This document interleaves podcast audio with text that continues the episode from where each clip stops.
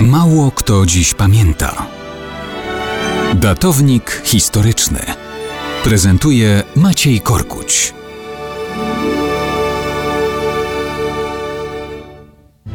Mało kto dziś pamięta, że wczorajsza data, 12 maja, to dwie przykre rocznice w życiorysie Józefa Piłsudskiego. 12 maja 1926 roku to demonstracja wojskowa, która miała doprowadzić do zmian politycznych w Polsce. Niestety zamieniła się w walki zbrojne na ulicach stolicy. To były tragiczne chwile i tragiczne wybory. Naprzeciw siebie stanęli żołnierze różnych oddziałów Wojska Polskiego. Wcześniej i z prawej i z lewej strony sceny politycznej krytykowano system parlamentarno-gabinetowy, który nie pozwalał na wyłonienie stabilnej większości. Piłsudski, popierany przez część sił politycznych, dążył do wzmocnienia władzy wykonawczej.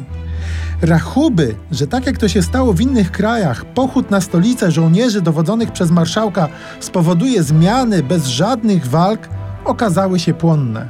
Przez nikogo niechciany front stał się faktem. Polak strzelał do Polaka.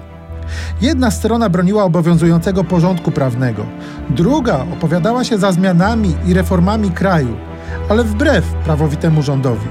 Po przewrocie Piłsudski zrobił wiele, aby maj 1926 nie oznaczał przejęcia władzy przemocą.